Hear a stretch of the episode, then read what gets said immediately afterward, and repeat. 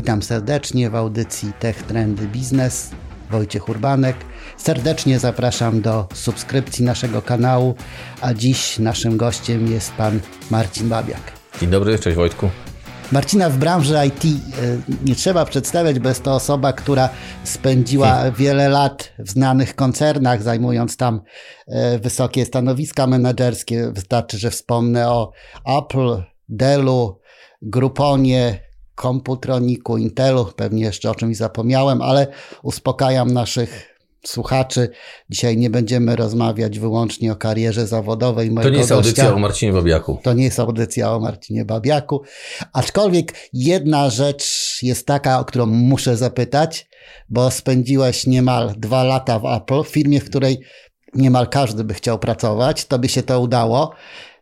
Poza tym był to bardzo ciekawy okres, bo w międzyczasie firma wprowadziła na rynek pierwszy kultowy model iPhone'a. Co najbardziej podobało Ci się w tej kultowej firmie, a z kolei co zaskoczyło Ciebie in minus? Hmm. E, pamiętajmy, że Apple jest, mm, poza tym, że jest obiektem kultu i znaną marką, jest też po prostu firmą. Po prostu firmą, która e, e, projektuje, produkuje określone urządzenia. I to, co jest najciekawsze, myślę, dla każdego, kto pracuje dla tej marki, to wizja i przywództwo to to, że Apple ciągle patrzy dalej poza horyzont.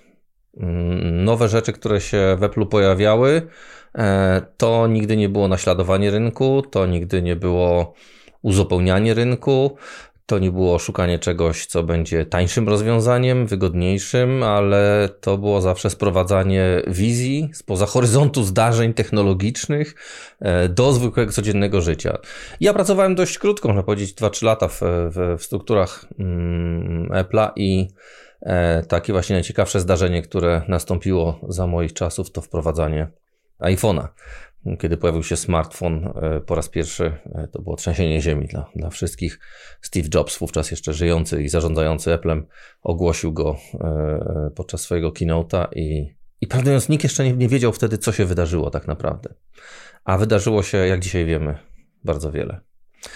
No a co pytasz, co było największym wyzwaniem dla Apple'a podczas pracy w Apple'u? Największym wyzwaniem było dla mnie troszkę przeciwieństwo tego, o co spytałeś, że pracownicy bardzo często rekrutowani byli z ludzi, którzy byli fanami marki, podchodzili do, do tej firmy i do jej produktów w sposób taki trochę kultowy, a e, właśnie, potrzebne było po prostu rzemiosło i zwykła praca. Także kiedyś musiałem nawet powiedzieć, e, co jest najważniejsze w produktach Apple do swoich pracowników i uświadomić im, że najważniejsza jest do cholery marża. E, i sprowadzić pewne rzeczy po prostu na ziemię. Zgodnie z obietnicą wracamy do teraźniejszości. Minęło 15 lat. Marcin Babiak jest przedsiębiorcą, notabene bardzo aktywnym na portalu społecznościowym. To, co robisz, robisz chyba dobrze, bo przynajmniej świadczą o tym e, wyniki.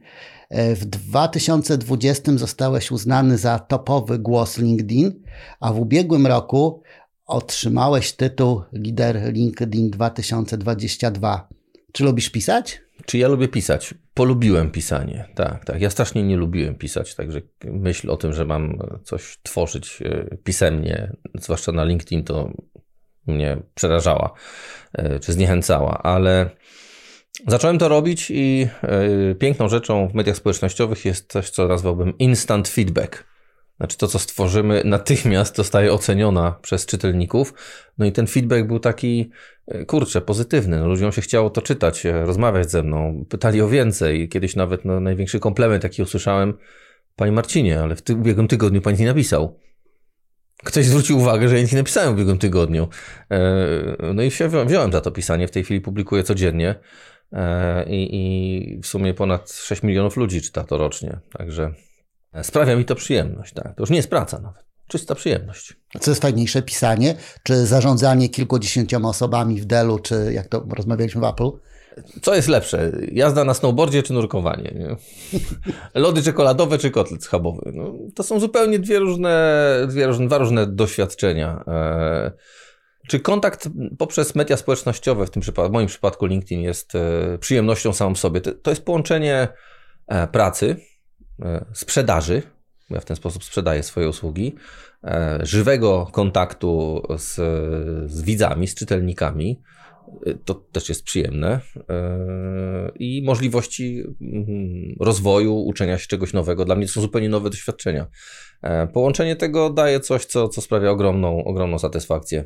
Śledzę Twoje posty i. Tak? Tak, i rzeczywiście większość z nich, tych wpisów mi się bardzo podoba, szczególnie cytaty.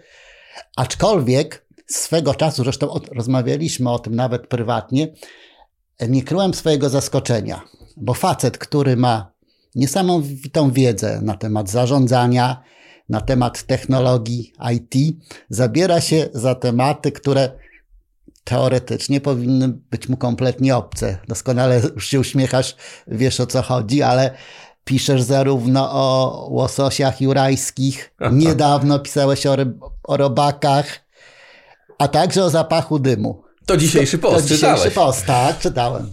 Skąd, skąd czerpiesz te inspiracje? Czy to nie jest troszeczkę tak, o czym też rozmawialiśmy, że próbujesz grać swoim czytelnikom na nosie i pokazać, słuchajcie, LinkedIn wcale nie jest takim poważnym portalem społecznościowym i też ma coś w sobie z Facebooka. Trochę tak, ale no, muszę całkiem szczerze powiedzieć, skąd się to wzięło. Yy, no, ja mam taką swoją pasję jeszcze młodzieżowo-dziecięcą. Jestem chemikiem, trochę niedo, e, niedoprofesjonalizowanym. Znaczy, skończyłem technikum chemiczne. Ryby, wody, woda, ekosystemy wodne to jest mi bardzo bliskie. O mało nie zostałem w życiu ichtiologiem. Yy, no i ta tematyka po prostu jest mi jakoś tak e, bliska, nazwijmy ją ekologiczna. No i właśnie, na LinkedInie zacząłem pisać dość regularnie te tematy takie zawodowe. To, czym się zajmuję. Szkolenia, zarządzanie, sprzedaż. Ale zawsze korciło mnie, gdzie tutaj dać upust tym różnym ciekawym rzeczom w mojej głowie, takim, którymi rozmawiam po prostu ze zwykłymi ludźmi w zwykły sposób. I kiedyś e, popełniłem parę takich tekstów e, na różne tematy, właśnie zupełnie niezwiązane z zarządzaniem. Na LinkedInie, prowokacyjnie, w piątek. No bo kto czyta w piątek poważne rzeczy? No tylko niepoważne można napisać. No i te niepoważne rzeczy się okazały hitem absolutnym. E, no i właśnie, ktoś mi kiedyś napisał, panie Marcinie, no w ubiegłym tygodniu pan nie napisał piątkowej kawy. No to też nie popełniłem tego błędu i teraz piszę już e, co tydzień. Także to tematy przynosi życie, e, zwykłe rozmowy, inspiracje, pomysły. Można powiedzieć, ten, ten piątek to jest tak zwana trivia, tematy dowolne. Tak jak życie piątkowe w biznesie czy w biurze jest, no takie już trochę bardziej luźne. Ale z tego co mówisz, te piątkowe wpisy cieszą się większą popularnością niż te w ciągu tygodnia? Różnie, różnie. No największe hity, że tak powiem, to akurat tematy merytoryczne, co mnie cieszy, bo to poczułem trochę, yy, było coś nienormalnego, gdyby te piątkowe były, były popularniejsze, ale też potrafią być perełki, no chyba e, rekordowy był o chuchrobotku. Wrzuciłem go nawet na Facebooka i tam jakieś, chore tysiące udostępnień miał, także to niesamowite. Nigdy nie wiadomo, jak się zakończy piątkowy, piątkowy post. Mówiłem o cytatach e, na Twoim tak. profilu. Jeden z nich. Przed powstaniem internetu wydawało się, że źródłem zbiorowej głupoty jest brak dostępu do informacji. Teraz mamy tych informacji mnóstwo. Powiedziałbym nawet, że aż za dużo. I czy nie uważasz, że mamy do czynienia z czymś takim, co profesor e, Zybertowicz nazwał degradacją poznawczą? Cóż, można powiedzieć, e, cytując Darwina, organ nieużywany zanika. Kiedyś rzeczywiście źródłem głupoty wydawało się, że jest brak dostępu do, do wiedzy, do informacji. No, przypominam, że większość ludzi przed II wojną światową kończyła tylko cztery klasy e, szkoły podstawowej. Analfabetów było chyba kilkanaście procent e, przed wojną. Tuż po upadku PRL-u kilkanaście procent ludzi w Polsce miało wyższe wykształcenie. Dzisiaj ponad połowa maturzystów idzie na studia wyższe. Z dostęp do informacji to jest ostatnie, czego możemy powiedzieć, że, e, że nam brakuje. Natomiast okazuje się, że istotą e, mądrości, tak mogę powiedzieć, jest nie dostęp do informacji, tylko umiejętność z niej skorzystania, przetworzenia i wyprodukowania czegoś nowego, czyli czegoś, co potrafi zrobić ludzki umysł lepiej niż na przykład czat GPT. I to, czego powinniśmy uczyć dzieciaki w szkołach, to nie wiedza, to nie, to nie ładować ich kolejnymi informacjami, bo do tego dostęp będą miały coraz łatwiejszy, tylko jak z tej wiedzy, jak tą wiedzę wykorzystać, wyszukać, jak z niej skorzystać, jak z niej stworzyć e, coś nowego. Wiem, że, że jesteś zwolennikiem dosyć szybkich, dynamicznych zmian, szczególnie w świecie technologii. Czy, czy zgadza się? Czy rzeczywiście tak jest? Czy można ciebie nazwać technoentuzjastą, czy to już za dużo? No i w ogóle y, y, uwielbiam zmiany. Mogę powiedzieć, że cała moja kariera zawodowa y, potoczyła się dość szybko dzięki zmianom. Ja te zmiany jakoś mniej lub bardziej lubiłem, a one mnie ukształtowały. Profesor Robert Cialdini w 1970 roku napisał w pierwszej przedmowie do, swojego, do swojej sztuki wywołania, wywierania wpływu na ludzi, kultowej książki, napisał: Świat zmienia się obecnie tak szybko jak nigdy wcześniej. W 1970 roku. No i lata minęły, 50 lat minęło i nadal każda książka mogłaby się zaczynać od tego e, cytatu. Świat za każdym razem postrzegany zmienia się tak szybko jak nigdy dotąd. E, więc do tych zmian musimy przywyknąć, zaakceptować je. To jest coś, wydaje się, normalnego, codziennego i ktoś, kto próbuje powstrzymać te zmiany w sobie, do, dookoła, no jest skazany raczej na, na porażkę. Tak, żyjemy w świecie no, niesamowitych zmian. A czy nie uważasz, że e, wielka czwórka z Doliny Krzemowej jednak podkręca zbyt duże tempo? Czy nie obawiasz się, że w pewnym momencie niektórzy z nas no, zaczną spadać z tej karuzeli? Zresztą ja widzę, że chyba to już zaczyna się dziać. I czy te zmiany są rzeczywiście, muszą być aż tak szybkie? Czy zmiany następują zbyt szybko? Czy ta wielka czwórka z Doliny Krzemowej podkręca je zbyt szybko? Ja powiedziałbym, że te firmy są jak płyn, a społeczeństwo jest jak naczynie. I płyn zawsze dostosowuje swój kształt do kształtu naczynia. To nie te firmy nadrzucają zmiany, tylko one dopasowują się do popytu, który my generujemy.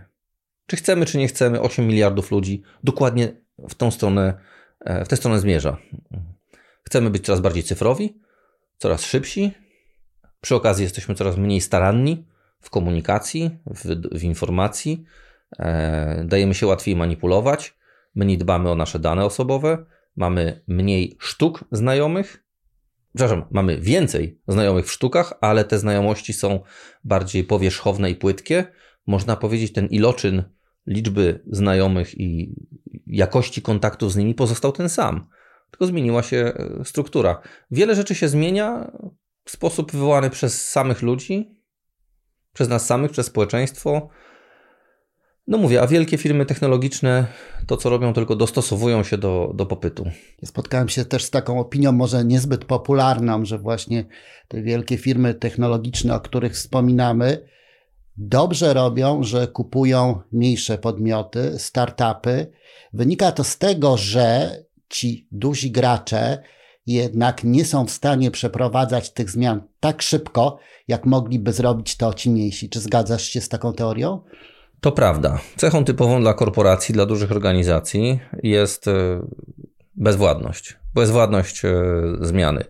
Duże organizacje mm, mają szereg zalet, takich jak bezpieczeństwo pracy, e, potencjał finansowy, ale jedną z e, takich kluczowych, fundamentalnych wad dużych organizacji jest inercja e, zmian. Właściwie wszelkie procesy, najprostsze, zakupu, decyzyjne, e, przekształcenia, czegokolwiek, zachodzą tam dużo, dużo wolniej. Więc gdyby nie kupowanie całych pakietów firm, pomysłów, startupów, idei, te firmy rozwijałyby się znacznie, znacznie wolniej. Tak, no to jest, akwizycja jest y, no, immanentną e, drogą rozwoju dużych organizacji. Kolejny cytat z Twojego profilu, tym razem trochę dłuższy. Ale ostatni już. Mam nadzieję, że mnie niczym nie zaskoczy. Z mojej strony ostatni. Cytuję. Wygląda więc na to, że otwiera się przed nami perspektywa wkroczenia wiek, w którym każdy niedojda siedzący przy komputerze w swoim biurze, laboratorium, bibliotece publicznej, a nawet własnym domu może przekopać niewyobrażalne góry informacji zawarte w komputerowych bazach danych, dysponując możliwościami obliczeniowymi tysiąckrotnie przekraczającymi to, co osiągalne było kiedykolwiek dla jakiegokolwiek mózgu ludzkiego, nie włączając samego Einsteina. Brzmi jak e, współczesny artykuł o nadchodzącym czasie a GPT. A, a to właśnie. nie jest to, prawda? Podpowiem, że jest to artykuł z magazynu The Economist i nie jest to z wy żadnego wydania tegorocznego, lecz z 1972 roku. To teraz przeskoczmy te kilkadziesiąt lat i co taka dzisiejsza niedojda może zrobić z komputerem? Dużo więcej, z tymi mocami obliczeniowymi. Jak widać, niewiele się zmieniło. Minęło 50 lat, a nadal strachy pozostały te same. Ludzie boją się technologii, boją się tego, jak one wpłyną na społeczeństwo, boją się tego, że upadną autorytety, że każdy będzie miał nieskrępowany dostęp do informacji i cóż z tego e, będzie e, wynikać. No, dziś mamy kolejnego stracha w postaci czata GPT, czy szerzej mówiąc sztucznej inteligencji i też pytania o to, jak to zmieni nasz, e, nasz świat. No, mamy już pierwszych celebrytów, pseudocelebrytów stworzonych przez sztuczną inteligencję, nieistniejące osoby, które mają kilkadziesiąt tysięcy followersów. E, dzisiaj czytałem o pierwszym radio, całkowicie sterowanym, zarządzanym i tworzonym kontencie przez sztuczną inteligencję. E, wychodzą już gazety. To podnosi poprzeczkę dla ludzkości. Ja bym powiedział, że podnosi poprzeczkę w górę i w bok e, trochę ten, ten, ta sztuczna inteligencja. W górę w tym sensie, że wytwarzanie prostego kontentu, prostych treści nie stanowi już e, wyzwania dla e, systemów. Niedawno czytałem na LinkedInie pod jednym z, w jednym z komentarzy pod moim postem wypowiedź, taką szczerą, rozżaloną wypowiedź jednego z, z ludzi, który napisał, że właśnie sztuczna inteligencja rozwaliła jego pomysł na życie. Bo on był copywriterem, pisał treści. I teraz może być zastąpiony bezpłatnym narzędziem. Czy rzeczywiście zastąpiony? No, poprzeczka poszła w górę. Musi tworzyć lepsze treści i troszkę zająć się czymś innym, bo obszar, w których komputery nas nie zastąpią albo nie zastąpią w najbliższym czasie, to obszary związane z takimi cechami ludzkiego umysłu jak kreatywność, czyli tworzenie nowych rzeczy, empatia, czyli rozumienie emocji, e, intuicja, czyli wymyślanie rzeczy na podstawie przewidywań, na podstawie powierzchownych e, fragmentów. I czwarta rzecz to wartości, e, no, bo nasz gatunek istnieje w oparciu o jakieś fundamentalne podstawy wartości, których systemy komputerowe póki co nie rozumieją. Także kreatywność, empatia, intuicja i wartości to są te cztery elementy, które ludzie powinni brać pod uwagę, projektując swoją przyszłą karierę, rozwój zawody, w których będą pracować, bo tam, gdzie są rzeczy proste, algorytmiczne, yy, łatwe do sparametryzowania, zrozumienia, tam się będą pojawiać maszyny, roboty, bo, boty, czyli rozmowy software'owe i będą nas zastępować. Niedawno mi mówiłeś, wspominałeś o tym, że polubiłeś pisanie, a czy nie obawiasz się, że ten okrutny chat GBT w pewnym momencie pozbawi ciebie jednego z twoich ulubionych zajęć? Szczerze mówiąc, tak, obawiam się. Obawiam się. Yy, póki co natomiast yy, moje obawy yy, wzrosły, spadły. Wiesz, pamiętasz zapewne, kiedy na początku wieku pojawiały się pierwsze aparaty cyfrowe. Pamiętasz też, jak, tak. jak wyglądały zdjęcia z pierwszych aparatów. Nie? 640 na 480 to był maks. To była taka pikseloza, że pękały oczy. Nie? Każdy widział zdjęcie cyfrowe i śmiał się pewnie, po co w ogóle coś takiego jest, kiedy, jeśli jakość jest, jakość jest beznadziejna. Dzisiaj aparaty cyfrowe są nie tylko lepszej jakości niż aparaty y, klasyczne, ale mają większą rozdzielczość niż, matryca ma większą rozdzielczość niż ludzkie oko. A czy przez to zawód fotografika przestał istnieć? No nie. I tak samo myślę tutaj. E, ja już mogę powiedzieć, sporą część tekstów pisanych czatem GPT jestem w stanie rozpoznać. Nie będę mówił, po czym je poznaję, bo prędzej czy później nawet te rzeczy zostaną zlikwidowane, ale to po prostu trąci drewnem. To jest tak sztywne, że się tego nie da e, e, czytać. To, co jest w cenie, to jest autentyczność, to, jest, to, jest, to są prawdziwe do, doświadczenia, doznania, przeżycia, emocje i to staram się przekazywać w swoich, swoich treściach. Nawet przestałem się krępować tym, że z powodu słabego wzroku, który mam, trochę robię literówek, błędów, spacji źle postawionych. Nie przejmuję się tym. To dodaje autentyczności tekstowi. I to jest przewaga nad e, czatem GPT.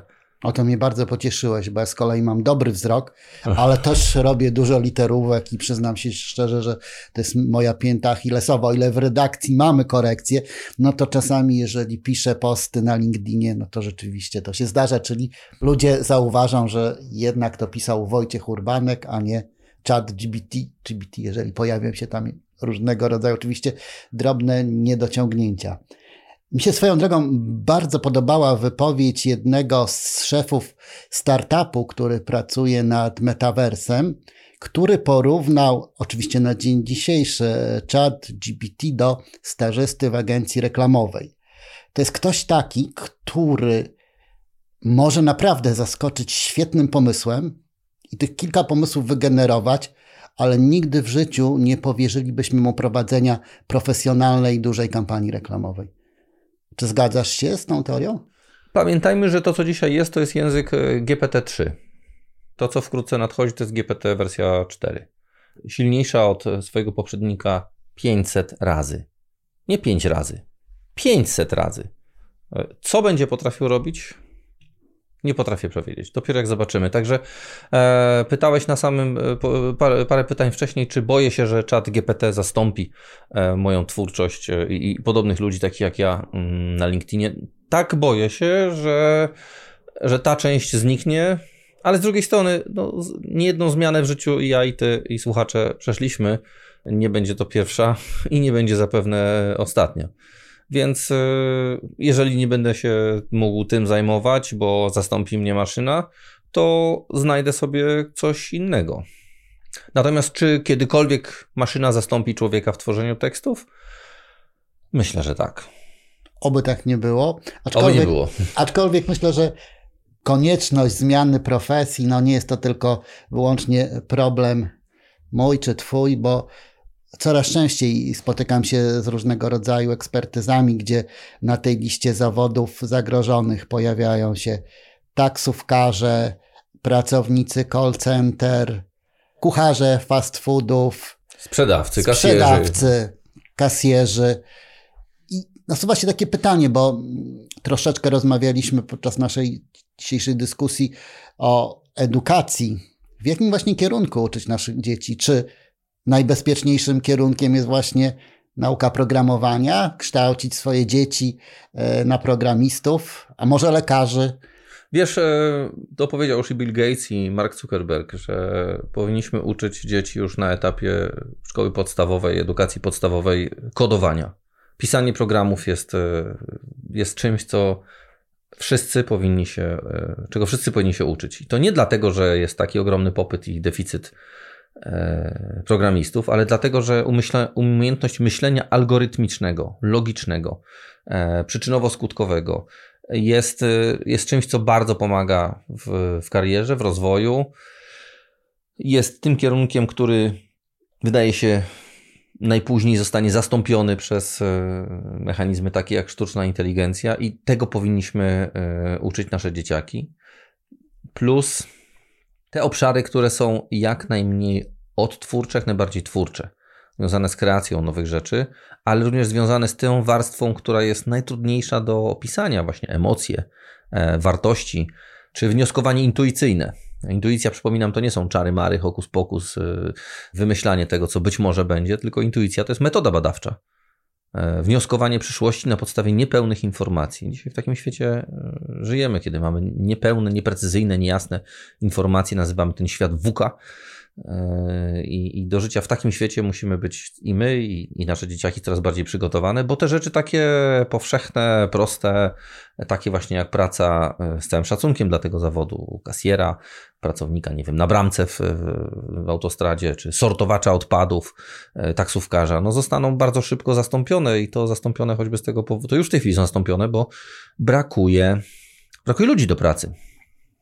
Brakuje ludzi do pracy. Jeden z moich klientów zatrudnia y, kilka tysięcy osób, personelu sprzątającego i ciągle brakuje mu ludzi do, do, do pracy. E, jakimś rozwiązaniem zaczynają być, uwaga, roboty sprzątające. I nie mam na myśli tutaj małych takich robocików, które jeżdżą po, po dywanie, tylko półtonowe maszyny do sprzątania. E, czy one zabiorą pracę e, sprzątaczkom? No nie, bo brakuje tych sprzątaczek.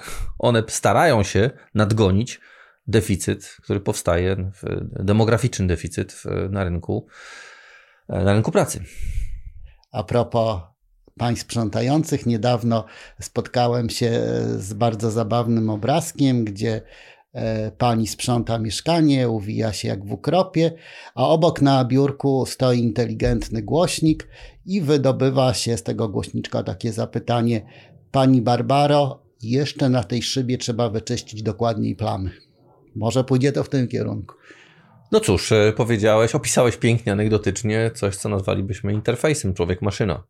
E, wcale nie musi to działać tylko w tę stronę, że to człowiek wydaje polecenia e, maszynie. Maszyna może koordynować pracę ludzi. Z tym, że w tym przypadku zwróćmy uwagę na jedną rzecz, co robi przysłowiowa pani Barbara. Wykonuje bardzo prostą pracę.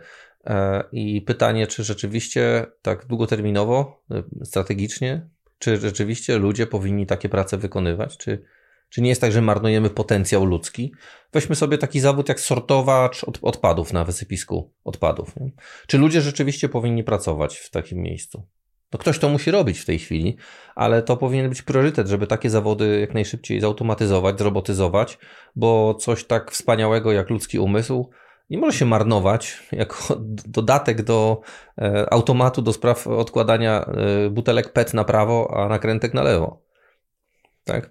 E, ludzie muszą w przyszłości zajmować się rzeczami wysokiego poziomu, wyższego. Nie wszyscy muszą być profesorami i naukowcami, ale jest, wierzę w to głęboko, ogromne pole do zagospodarowania dla zawodów wymagających, tak jak wspomniałem, kreatywności, empatii, wartości, myślenia intuicyjnego, a nie tych prostych czynności, do których przyzwyczaił nas, przyzwyczaił nas przyszłość, XIX wiek i XX.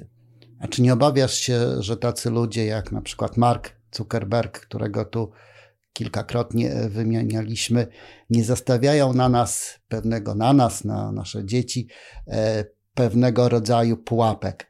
Tu konkretnie mam e, na myśli metavers.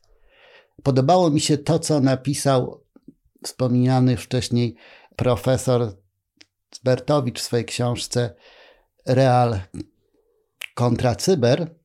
I on określił to w ten sposób, że dajemy się nabrać na iluzję wolności, kreatywności, a w zamian tego zostaniemy emocjonalnymi i intelektualnymi inwalidami.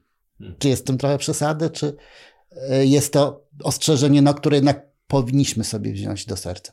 Z pewnością powinniśmy wziąć do, do serca, tak jak wiele innych e, niebezpieczeń, czy niebezpieczeństw, czy pseudoniebezpieczeństw, e, które jawią się na horyzoncie przyszłości. Pamiętajmy jednak o tym, co stworzyło, co jest fundamentem naszej, e, naszej kultury obecnej. Humanizm. Humanizm, czyli wiara w człowieka. Człowiek potrafi. Yes, you can. Człowiek, nasz gatunek poradził sobie z nieprawdopodobną ilością przeciwieństw e, stworzonych również przez samych siebie. Czy wynalazków, które stworzył, e, zagrożeń, zmian społecznych, które wywołał, i mimo to e, rozwijamy się. Jest nas 8 miliardów już na tej planecie. Nie grozi nam głód, nie grożą nam choroby w tym sensie, jak na przykład dżuma w, w średniowieczu. Z całym szacunkiem dla dziesiątek tysięcy ofiar COVID, to już nie była taka pandemia jak e, w dawnych czasach. Nie grażą nam dzikie zwierzęta, chłód, głód i wiele innych rzeczy. Nasz gatunek zaczyna e, rozwijać się również w kosmosie. Tak, rzeczywiście, pewne, pewne zjawiska e, negatywne pojawiały się, będą się pojawiać, niektóre sami tworzymy, ale no, humanizm polega na tym, że głęboko wierzymy w to, że ludzie sobie z tym poradzą my już tego nie dożyjemy. Może nawet nasze dzieci nie dożyją rozwiązania pewnych problemów, które stworzyli nasi dziadkowie. Ale tak wygląda ludzkość od, od, od, od setek, rozwija się od setek tysięcy lat. Podobnie ten czat GPT. No pamiętajmy, że zobacz, jaki gatunek był przed Homo sapiens? Homo heidelbergensis.